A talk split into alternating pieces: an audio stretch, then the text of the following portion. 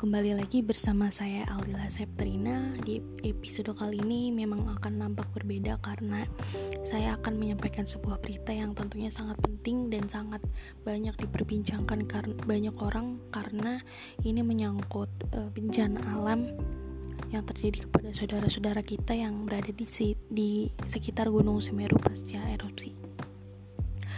BNPB eh, sendiri sudah menyampaikan Eh, konfer konferensi pers terkait Gunung Semeru pasca erupsi. Uh, berdasarkan laporan yang saya dapatkan jumlah korban sampai saat ini adalah berjumlah 14 orang. Sementara itu uh, sampai saat ini status Gunung Semeru masih berada di level 2 atau dalam status waspada Alasannya adalah e, dari Kepala Pusat Vulkanologi Mitigasi Bencana Geologi Andini menjelaskan kenapa levelnya ini belum ditingkatkan karena memang statusnya masih tetap sama, masih tetap waspada gitu ya.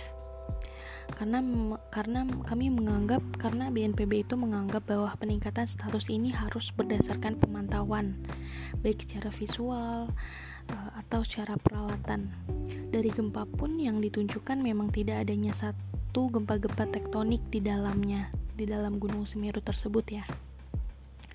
Kemudian secara visual itu memang terjadi selain awan panas berguguran, juga terjadi letusan dengan ketinggian volume tidak lebih dari 500 meter.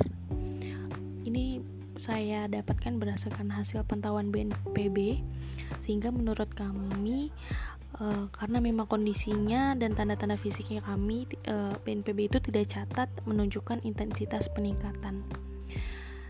Demikian berita yang saya sampaikan pada podcast kali ini, pada episode kali ini.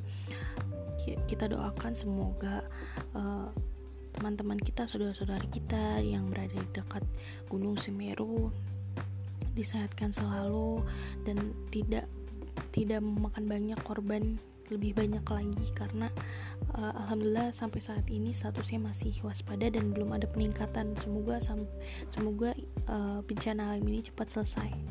Sekian terima kasih sampai ketemu kembali